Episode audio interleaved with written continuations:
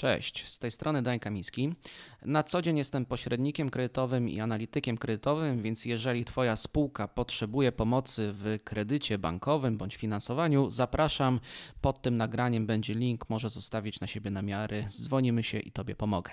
Natomiast przechodząc już do meritum, kilka dni temu pojawił się e, piękny film e, najsłynniejszego chyba doradcy podatkowego w Polsce, czyli pana Sławomira Mencena, e, który bardzo fajnie podał trop na 2022, jak poradzić sobie ze wszystkimi dodatkowymi kosztami polskiego ładu czy wału, jak tutaj zorganizować swoją firmę tak, żeby jak najmniej tych podatków płacić i wskazał bardzo ciekawą formę, która jest mało popularna, ale myślę, że lawinowo e, wzrośnie, wzrośnie zainteresowanie tą formą prowadzenia spółki, a mianowicie spółkę komandytowo-akcyjną.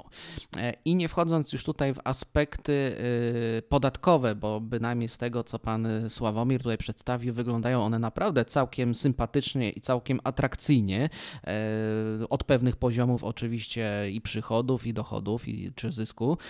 Natomiast ja chciałbym się oczywiście ustosunkować, jak będzie wyglądała ta kwestia, jeżeli chodzi o banki i uzyskanie kredytu bankowego dla takiej spółki w Polsce. No bo nie czarujmy się, mimo fajnych dochodów, spora część biznesów operuje na kredytach, czy to inwestycyjnych, czy to obrotowych, czy na jakieś bieżące potrzeby, na surowce, na, na jakieś podzespoły. No i to stanowi dość duże takie koło zamachowe. I teraz tak, jeżeli weźmiemy pod uwagę ten taki e, chleb tej ziemi, ja to nazywam, czyli te najmniejsze spółki. No, dla banków niektóre nawet obraźliwie troszeczkę nazywają mikrospółkami, czyli spółki zależnie od banku osiągające obroty, czyli przychody, tak już upraszczając myślenie, do 5 milionów, do 10 milionów, czyli taki naj, najbardziej rozpowszechniony rodzaj spółek, ich jest najwięcej ilościowo, tak, które, które gdzieś tam to są jakieś hurtownie lokalne, jakieś e, firmy informacyjne, informatyczne, może wypożyczalnie samochodów, firmy transportowe, budowlane, które gdzieś tam na tym poziomie są, e, no to powiem szczerze, że jeżeli chcecie na taką spółkę do 5 do 6, 7, 8, 9, 10 milionów przychodu, czyli będziecie zakwalifikowani jako ten klient mały, klient mikro dla, dla e, doradców i dyrektorów firmowych w bankach i chcecie dla spółki komandytowo-akcyjnej uzyskać kredyt, to od razu powiem Wam jedno: to będzie dramat. To nie będzie ciężkie, to będzie po prostu dramat. Od razu mówię z całą odpowiedzialnością, w tym momencie banki na to nie są przygotowane. Wiedza o tych spółkach jest w tym segmencie małego klienta znikoma.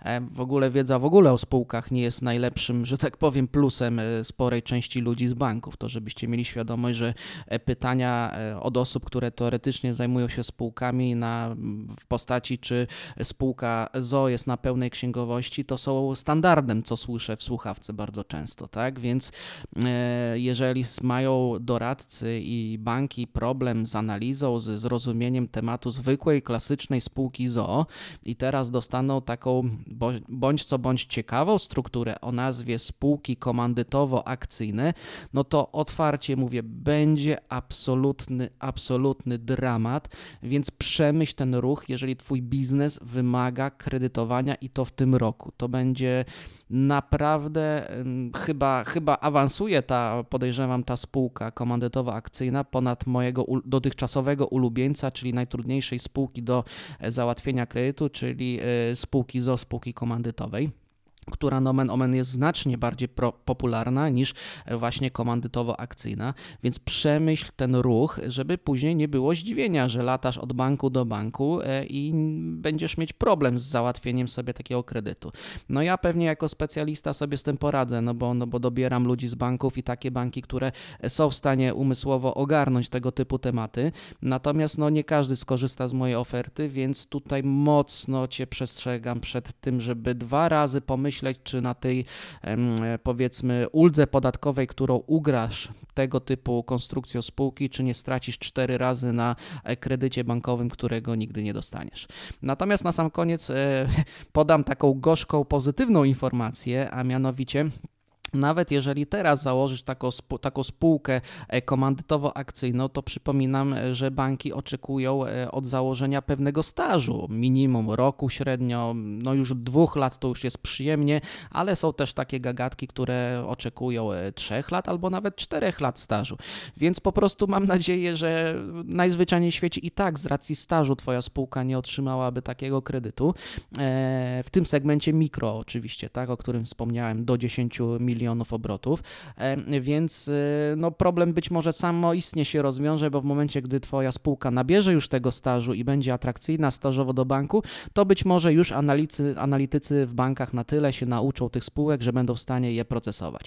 Natomiast na dzień dzisiejszy, jeżeli w jakiś sposób się przekształcisz, e, czyli temat stażu ci odpadnie, bo spółka przekształcona zachowuje swoją historię, tak, i teoretycznie powinna być w bankach tolerowana, nastaw się na strasznie, strasznie ciężką batalię w bankach, jeżeli chodzi o y, uzyskanie kredytu. Poziom wiedzy jest dramatyczny, poziom y, procedur, żeby w ogóle przyjąć taką spółkę, jest dramatyczny.